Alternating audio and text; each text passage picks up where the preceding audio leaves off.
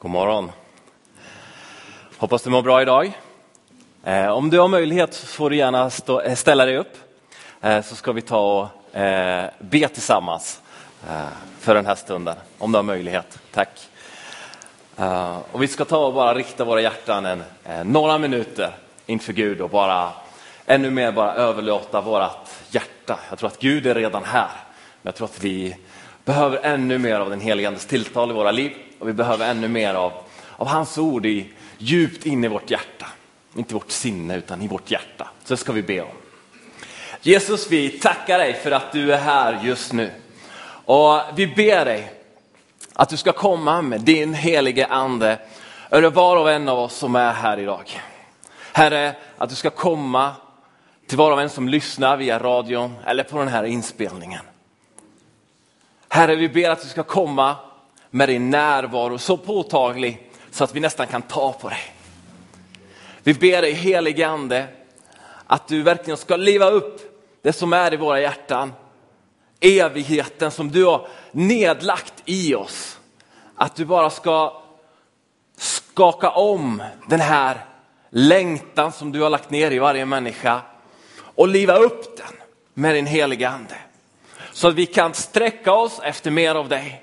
Så att vi kan få se ännu mer under och tecken ske i våra liv, i våra familjers, våra vänners liv, i vår omgivning. Och herre, jag ber dig att vi ska få ha ett öppet hjärta för ditt budskap, Herre. Du vill ge till oss idag. I Jesu namn. Amen. Amen. Varsågod och sitt.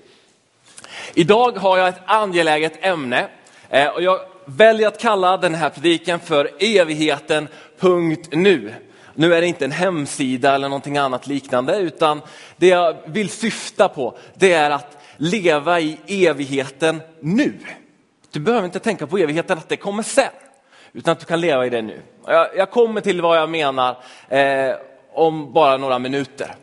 Och mitt utgångsläge är faktiskt min egen farfar. Jag lärde känna min farfar när jag var 15 år gammal. Jag kom tillbaka till Sverige, hade bott 10 år utomlands. Eh, talade tveksam svenska, eller knackig eller vad man vill uttrycka det som. Eh, pratade lite så här, ja. Jag kunde några, ett och annat ord. Eh, och då när jag var 15 år gammal så brukar jag säga att jag lärde känna honom för första gången. Jag hade träffat honom ett par gånger tidigare, men jag hade ingen riktig relation till honom. Så efter skolan så eh, hamnade jag i hans lägenhet rätt så ofta. Eh, och bara, man vill ju lära känna sin, sin familj. Jag kände inte mina kusiner, jag kände eh, inte så mycket av min släkt då, så många år utomlands. Eh, så jag ville lära känna min farfar. Så jag kom efter skolan många gånger och knackade på. Och ut så kom ibland lite nyvaken och ibland vaken. Eh, och alltid, speciellt de sista åren, så var det alltid den här meningen. Du vet, jag har talat med Gud. Och ni vet ju när man är ung och tonåring, ja ja farfar, eh, säger man. I, I, brist på, på, på bättre. Eh, och han talade om, speciellt om i slutet, om evigheten. Han talade inte så mycket om döden. Han var inte rädd för döden faktiskt. Eh, av någon outgrundlig anledning så hade han fått en trygghet i Kristus. Och den tryggheten, jag gillade den.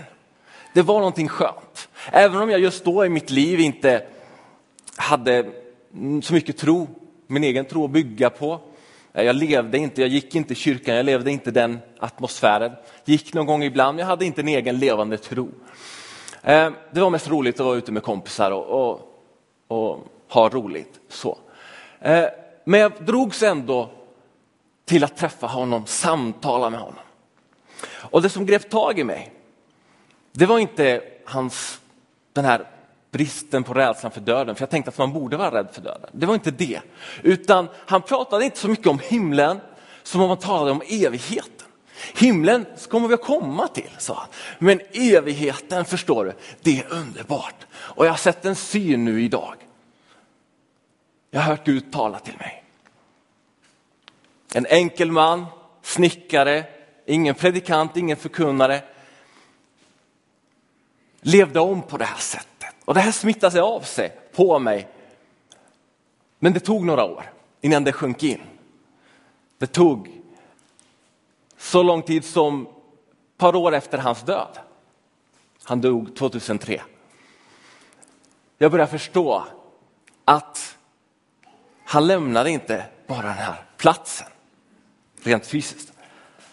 Han steg in i evigheten.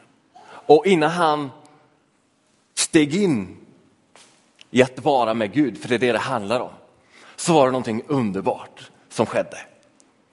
Han levde i den förväntan, i den längtan varje eviga dag. Det spelar ingen roll om man bakade bröd, var ute och fiskade eller gjorde någonting annat eller snickrade hemma hos oss. Så var det hela tiden det där. Man kunde se, det var någonting med honom och jag ville ha tag i det. Och det grep tag i mig.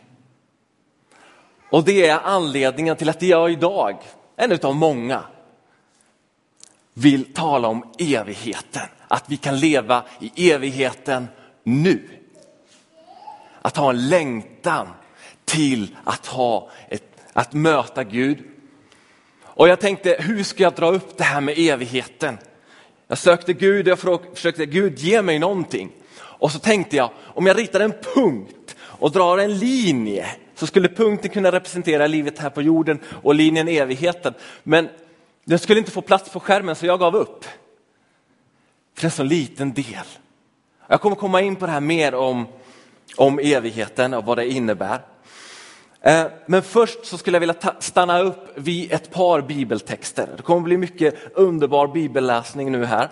Men Palle har sagt till mig att jag får hålla på i 70 minuter. Så vi ska nu kunna hinna med det här. Nej, oroa dig inte. Vi kommer inte hålla på i 70 minuter. Men det känns skönt att ha den uppbackningen så bra, sådana medarbetare. Speciellt när man har ett utkast på 25 sidor. Så här, skojar bara. Bibeln ger oss en klar och tydlig väg till evigt liv. Det står att först behöver vi erkänna att vi har syndat mot Gud. Romarbrevet 3 och 23 säger alla har syndat och gått miste om härligheten från Gud.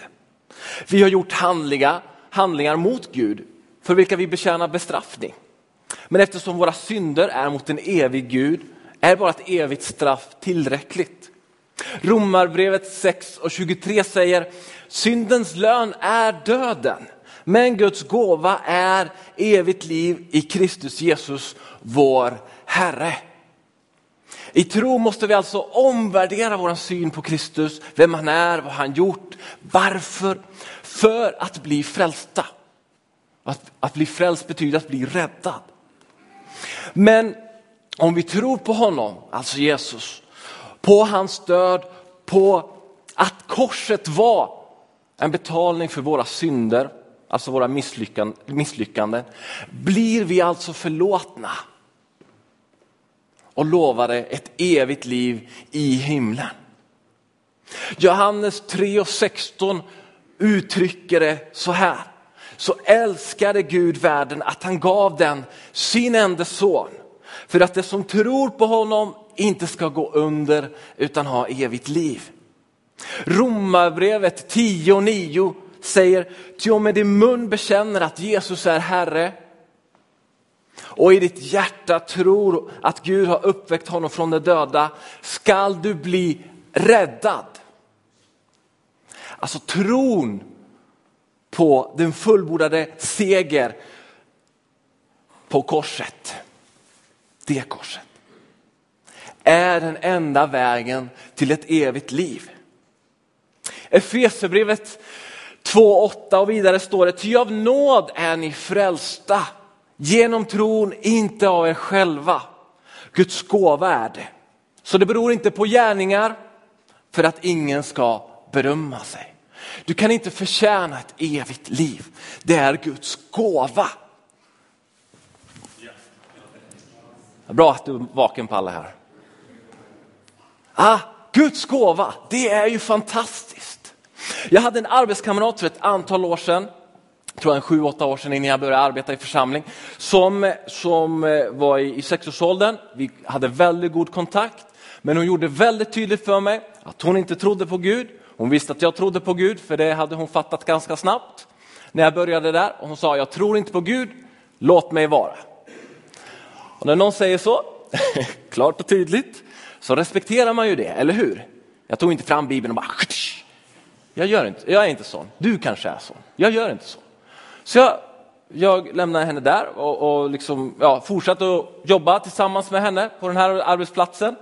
Eh, och var mot henne precis som jag är mot alla andra människor, vänlig och ja, vanlig sådär, som du är säkert. Och eh, det tog kanske ett år, lite mer kanske.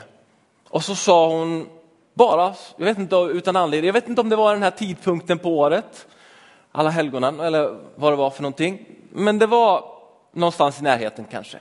Jag eh, tog inte upp något samtal utan hon sa så här. Jag tror att när man dör, bara det, man sitter och fikar. Jag tror att när man dör så bara försvinner man. Man bara upplöses. Jaha, sa jag och nickade. Du tror det? Ja. Och så tittade hon på mig så log hon. Fast det tror inte du. Nej, sa jag. Vad vore det för mening, sa jag. Vad vore det för mening med det? Att vi lever ett liv här och sen tar det bara slut. Jag tror att Gud har lagt ner evigheten i alla människors hjärtan. Sen kan vi välja att inte ta emot och tro på Jesus Kristus. Men då gör du ett medvetet val att inte tro. Men tror du på honom blir du räddad och får tillbringa en evighet med honom. Jaha, så nickade hon. Och sen tittade hon bort, reste sig upp och gick. Pratade vi aldrig mer om det. För henne var det färdigt. Hon valde att ta sitt avståndstagande där. Sen pratade vi om livet och de år som följde som jag jobbade där så fortsatte vi att dela livet då. Men vi pratade aldrig om det här igen. För för henne, hon hade landat i det. Hon var färdig. Det betyder inte att det är kört för henne. Det tror jag inte. Jag tror att det fortfarande finns hopp. Att Jesus kan tala till henne, att hon kan ta emot Jesus och få tillbringa en evighet med Gud. Va? Det är inte kört. Men det finns en del som väljer att inte ta emot också. Och jag tror så här. Och det här är min längtan för den här predikan. Att du ska inse att ditt liv har en betydelse. Att det inte bara är idag, utan det har en betydelse i evighet. De avtryck du lämnar här. Även om du kanske inte blir omnämnd i någon stora Bonners lexikon. Även om du inte blir känd fem minuter i kanal 5 så gör det avtryck. Du kan göra avtryck in i evigheten. Frågan är när du kommer och ditt liv tar slut. Människor säger fina saker på din begravning. Människor talar väl gott om dig, en fin människa. Och så kommer du till Gud, du står inför Gud. Frågan är då, vad har du i dina händer? Kommer du med tomma händer? Eller kommer du med frukt? Bärande frukt. På vilket sätt skulle du vilja komma till himlen? Inför, inför Gud själv. Jag hade inte tid, jag hade fullt upp med att spara till eh, den där resan eller pensionen eller ha det tryggt eller jobba. Men jag då? Vilka logiska argument skulle du försöka dra upp inför den evige guden? Man skulle nog stå där och säga, det här är mitt liv. Du ser det rakt igenom. Sån här har jag levt. Får jag komma in? Och Gud står där med sina uppsträckta armar och säger välkommen in, du trogne tjänare. Vilken bild har du? Jag tror att den bilden kan variera. Jag gillar eh, en av vår tids främsta förkunnare, A.W. Tozer. På, på hans gravsten står det endast en sak. står hans namn och sen så står det a man of God. En Guds man. Och på något sätt har det etsat sig kvar i mig. Jag gillar det. En man av Gud.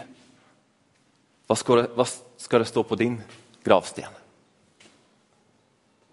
Så när jag idag talar om evighet så talar jag kanske som, inte så mycket om himlen, även om himlen är en, en plats eller tillstånd som vissa hävdar. Oavsett hur vi ser på det så kommer vi, om vi tror på Jesus, att komma till himlen. Och vad är det som för oss dit? Jo, här kommer vi till första punkten, vårt hopp. Och vad är det som kan ge oss hopp? Jag tror att jag har redan gett svaret. Jag tror att det är tron på Jesus Kristus är den som ger oss hopp om framtiden, ger oss hopp om en evighet med Gud. Petrus skriver det så bra i första Petrusbrev 1. Första Petrusbrev 1 och 3 och 4 står det så här. Välsignad är vår Herre Jesu Kristi Gud och Fader. I sin stora barmhärtighet har han fött oss på nytt till ett levande hopp genom Jesu Kristi uppståndelse från de döda till ett arv som inte kan förstöras, fläckas eller vissna och som väntar på er i himmelen. Det är ju så bra! Det är det här jag hoppas på och som jag hoppas du ska sätta din tilltro till. Vi har köpt ett hus.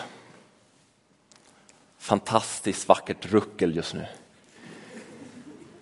Men vi har sett en syn för oss framför oss. Att det en dag ska bli ordning på det. Va? Jag har haft det knappt, inte ens en vecka. Imorgon är det en vecka. Där spenderar all min övriga liksom, tid nu här. Och jag, jag stod och, och, målade taket, pensla. Ehm, och tänkte på det här med evigheten. Man går ju och bär det här hela tiden. Jag vet inte hur du är, men jag går och bär det hela tiden. Jag tänkte på min farfar, jag tänkte på människor runt omkring.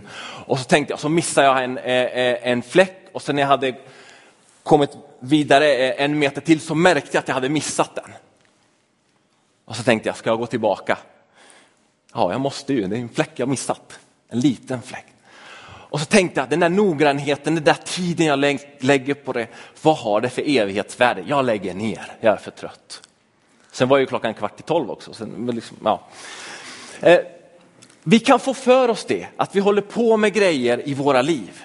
Och så tänker vi, vad har det för evighetsvärde? Och när jag börjar reflektera över det i lite mer vaket tillstånd så inser jag att det är klart det har ett värde. Det gör ju så att det där vita taket gör så att min fru blir nöjd och glad. Det är liksom ombonat, ommålat, skapar en trygghet, det skapar en miljö där våra barn kan växa upp. Det skapar ett utrymme där jag kan koncentrera mig och förbereda mig. Där jag kan vara inför Guds ansikte. Det är klart, den miljön är någonting som, som inte är dåligt. Det är klart det har ett värde. Att vi arbetar på olika sätt i vår vardag. Det är klart det har en, ett värde i det. Men vi behöver sätta hopp till. Man behöver se slutet. Jag behövde se slutet på taket för att liksom kunna komma vidare. Du behöver inte se slutet, du behöver se fortsättningen. För livet tar inte slut. Om du sätter ditt hopp till Jesus. Hur tar vi emot det här hoppet? Det står i Johannes 6.37. Den som kommer till mig ska jag inte visa bort. Be till honom. Be till Gud. Hur många gånger på en dag ber du till Gud? Eller på en vecka? Det är bön som förändrar. Det är en bön som inte behöver vara svårare än Herre, kom mig nära. Herre, här är jag behöver inte ens vara ett ord. Det kan vara en suck, det kan vara en längtan. Det är den bönen jag skulle vilja uppmuntra dig till. Så visst hade jag hoppats att min arbetskamrat skulle sätta sitt hopp till Jesus och säga, ja vi ber direkt nu här frälsningsbön vid det fikabordet. Det skedde inte då, det kanske sker nu senare. Det vet jag inte. Jag fick inte möjlighet till det. Men jag sådde in ett frö tror jag, av hopp. Och du kan också få göra det här.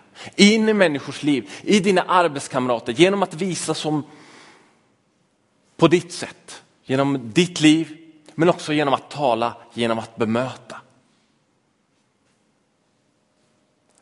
Och jag tror inte att det är att vi är för frimodiga många gånger. Jag tror att det är tvärtom många gånger, i alla fall i mitt liv, kanske inte i ditt liv. Men vad innebär då det här hoppet för oss, rent konkret? Vad, vad har jag för hopp i mitt liv när kanske min livskamrat har avlidit, när allt känns mörkt? Vad har jag för hopp när jag förlorat mitt jobb eller varken vet ut eller in? Vad har jag för hopp när allt är svart? När jag inte ser någon mening med livet överhuvudtaget? Matteus 11 och 28. Det är många bibelord nu. Vet ni varför? För att det finns en kraft i Guds ord. Matteus 11.28 säger, kom till mig alla ni som är tyngda av bördor, jag ska skänka er vila. När vi är som mest utsatta, när vi är som mest pressade, ska vi inte dra oss undan, nej nu är det för jobbigt. Då ska vi dra oss närmare hans kors. Sätta vårt hopp till Jesus Kristus. Men när det är jobbigt är det så lätt att bara, nej men nu är det för jobbigt, jag orkar inte med att möta människor. Jag drar mig undan. När vi istället skulle behöva använda det församlingen är till och säga, det är jobbigt nu, du behöver inte säga vad det är. Hjälp mig. Det är därför vi är varandras lemmar. Det är det som församlingen är. Vi hjälper varandra, vi stöttar varandra, vi reser varandra upp. Och även när allting är bra så har vi fortfarande varandras lemmar. Och vi kan fortfarande uppmuntra och stötta varandra. Och hur lever vi då i det här hoppet? Hebreerbrevet 10.23. Låt oss orubbligt fortsätta att bekänna vårt hopp, ty han som gav oss löftena är trofast.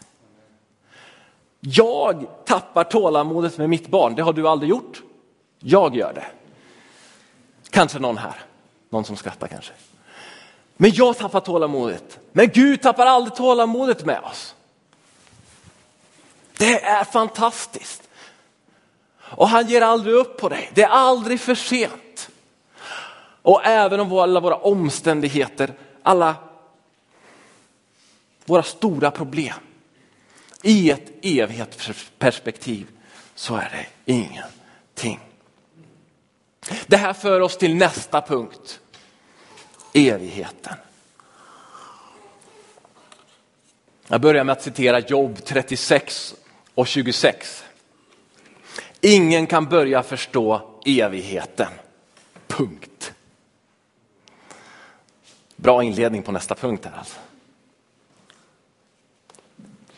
Om vi inte kan förstå oss på evigheten, vad är det då för mening? Jo, Predikaren 3 och 11 säger också evigheten har han lagt ner i människors hjärtan. Gud har lagt ner evigheten i varenda människa på denna jord. Men evigheten, vad är det egentligen? Hur kan den definieras? Om vi skulle försöka oss på det här. Ett uppslagsverk definierar den som oändlig tid och ett annat som det tillstånd där man existerar utanför tiden. Ingen som reagerar här? Två olika definitioner på samma sak. Egentligen så borde det skapa någon slags reaktion, men ändå lev, finns de båda till och är godkända och ges ut. Det är ungefär som att vi skulle säga att en fisk lever i vattnet och nästa bok skulle säga att den inte lever i vattnet. Det är så olika definitioner så det borde skapa någon slags reaktion. Men ändå är det ingen som har reagerat och skrivit protestbrev mot uppslagsböckerna och skrivit insändare i tidningen för att det är ingen som kan greppa det. Och det är exakt det här. På det här sättet som det är. Sanningen är att vi kan inte begripa evigheten mentalt. Men för våra sinnen är så begränsade. Jag tror, att inte vi kan, jag tror inte att vi har förmågan att förstå och greppa eviga begrepp. Om du kan föreställa dig en bottenlös avgrund. Tänk att falla ner i ett hål som, där du aldrig slutar att falla. Du ska aldrig nå eller ens se botten. Det här föranleder ju till två slutsatser. Ett, ingen botten. Två, att falla under en oändlig tidsrymd. Det går inte att greppa, eller hur? Det går inte att omfamna begreppet evighet. Men om vi skulle titta på Gud, Gud själv, människans skapare. Och vi tänker på hans begynnelse, eller ska vi säga ingen begynnelse. För det står ju i skriften från evighet till evighet att han har funnits. Om inte han har blivit född, om inte han har blivit skapad. Hur utvecklades han? Men han har inte utvecklats. Redan där misslyckas jag i varje fall i mitt tänkande. För han har alltid funnits. Psalm 90 och 2 säger så här, innan bergen blev till och du skapade världen, ja från evighet till evighet är du Gud. Ja. Jobb skrev ju, ingen kan förstå evigheten. Men om du skulle behöva ta ett ögonblick nu här och bara tänka på just det här, de här orden. Innan bergen blev till och du skapade världen, ja från evighet till evighet är du Gud. Tänk på det ett ögonblick.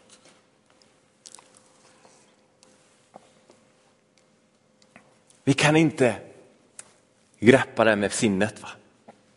Och det är för att evigheten är inte nedlagt i vårt sinne. Det är nedlagt i vårt hjärta.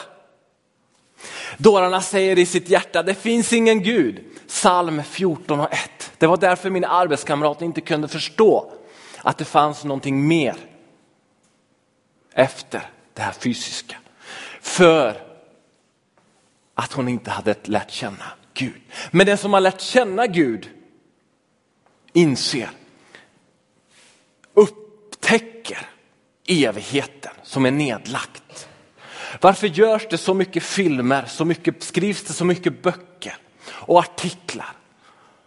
Varför är vi så fascinerade av att det måste finnas en Gud?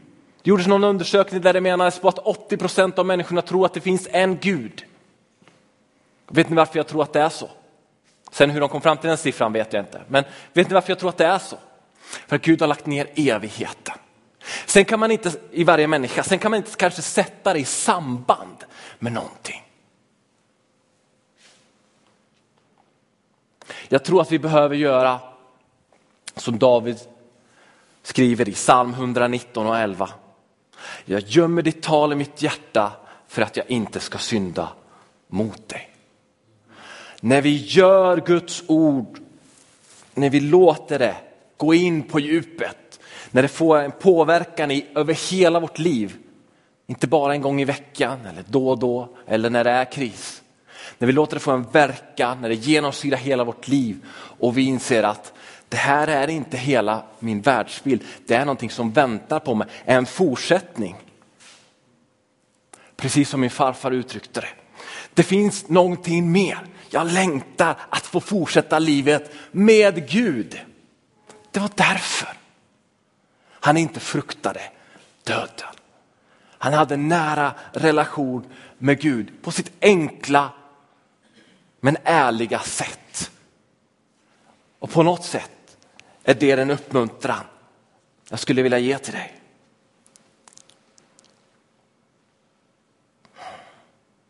Hebreerbrevet 1 och 10 säger du Herre har i begynnelsen lagt jordens grund och himlarna är dina händers verk. Det ska gå under, men du förblir. Det ska alla nötas ut som en klädnad, som en mantel ska du rulla ihop dem och som en klädnad ska det bytas ut. Men du är densamme och dina år har inget slut. På något sätt så önskar jag att du skulle få uppleva hur du blir driven till evigheten. Hur du drivs av en längtan. Jag kan endast uppmana dig, uppmuntra dig. Men du i ditt hjärta, med hjälp av den helige ande, kan komma i kontakt med den levande guden på ett riktigt nära sätt. Jag skulle kunna hålla på lite, lika länge till. Det är så intressant. Jag har så mycket mer att säga om det här ämnet. Men jag skulle vilja ge ett sista ord. Romarbrevet 5 och 1. Och det är från The Message översättning. Det står så här. Om vi litar på Gud och tar emot det som han alltid velat göra för oss. Rätta till allt som vi har gjort fel och ge oss en riktig relation till honom. Då har vi det bra med Gud tack vare vår mästare Jesus. Men det är inte allt. Vi slår upp dörren för Gud och upptäcker genast att han har slagit upp dörrarna på vid gavel för oss. Vi upptäcker att vi hamnat där vi alltid har hoppats att få vara. Mitt ute i Guds stora fria nåd och härlighet. Där sträcker vi på oss och ropar ut hans lov. Och det kommer mera. Vi fortsätter att prisa honom och till och med i våra bekymmer och svårigheter. För vi vet att det svåra kan ge oss brinnande tålamod. Och det tålamodet smider i sin tur dygder av härdat stål så att vi inte missar nästa sak som Gud gör. Det är en spänd förväntan som aldrig gör oss besvikna. Tvärtom, vi finner inte plats för allt Kristus kommer i rättan tid för detta. Timoteusbrevet 6 och 12 säger kämpa trons goda kamp, sök vinna det eviga livet. Lev inte för nuet. Lev inte för nuet. Lev för det eviga. Vad av evighetsvärde har du i ditt liv? Jag pekade lika mycket mot mig själv. Vad ger jag min tid till? Vi är så tidsfixerade. Jag har tidsscheman och tidsplaner på all och budgetar hit och budgetar dit. Va? Och har sånt behov av det. Vad har det för evighetsvärde? Jag säger inte att vi inte ska ha ordnade ekonomier. Det är viktigt. Och det är gudfruktigt och allt rätt. Inget fel i det. Tvärtom, helt rätt. Men vad driver dig till ett liv med Kristus? Vad, vad driver din omgivning? Lever du för någonting mer än stunden nu eller pensionen senare? Vad kommer efter? Jag älskar att komma in i den här kyrkan, ibland vissa morgnar eller eftermiddagar. Och så möts jag vid dörren av någon som står och städar de toaletterna och de ler och säger hej. Jag bara, jag bara älskar det ögonblicket de dagarna jag möter någon där. Som står där, oftast är det någon som, har, som är pensionerad, som har lite tid att kunna, extra tid att kunna tjäna Gud och gör det på det här sättet. Och inte bara det att de gör det för att jag är så bra utan man gör det bara i glädje. För att man älskar Gud. Och jag älskar det mötet och de få ord som utbyts där. Jag blir så glad, det är ett sånt föredöme för mig. Nu säger jag inte att ni alla ska gå och städa toaletter. Va? Men den attityden, den inställningen, den ödmjukheten. Det ger mig hopp i min vardag. I det vanliga mötet som jag, jag gör. Vad ger dig hopp i din vardag där du är? Vad ger dig hopp om en evighet med Gud?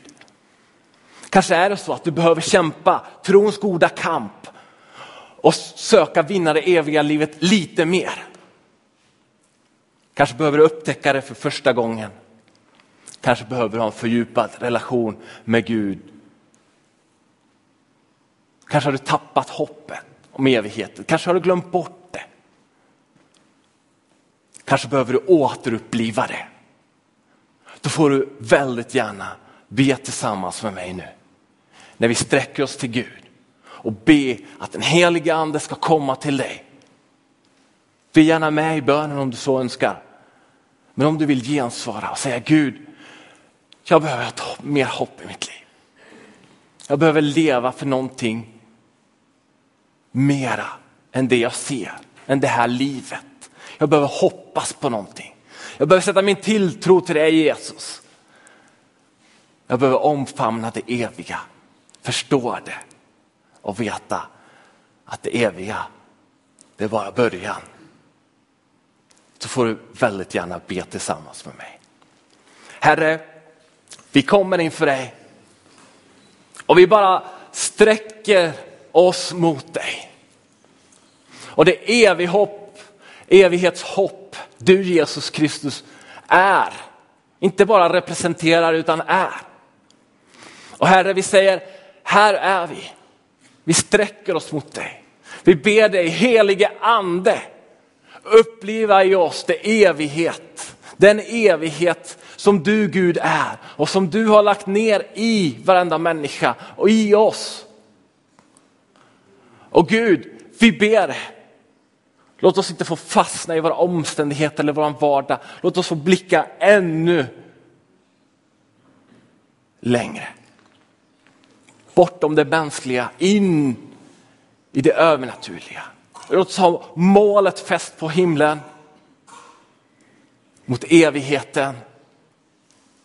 Mot den glädje, den frid och frihet i den heliga ande som du vill att vi ska komma in i, Herre. Och leva i varje dag. Låt oss få stå inför din tron en dag med händer fulla av frukt. Och Gud, vi vet att för att bära frukt så bör vi vara i närkontakt med dig. Allting skapare. Och jag ber dig Herre, att du ska möta var och en som är här inne.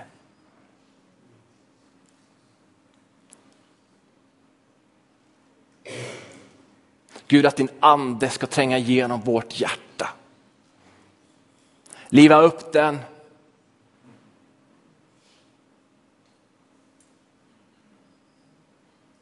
Dra, det, dra våra hjärtan närmare dig. Utmana oss. Rena oss Herre från all orättfärdighet. Och för oss in i ett liv med dig. I Jesu namn. Amen.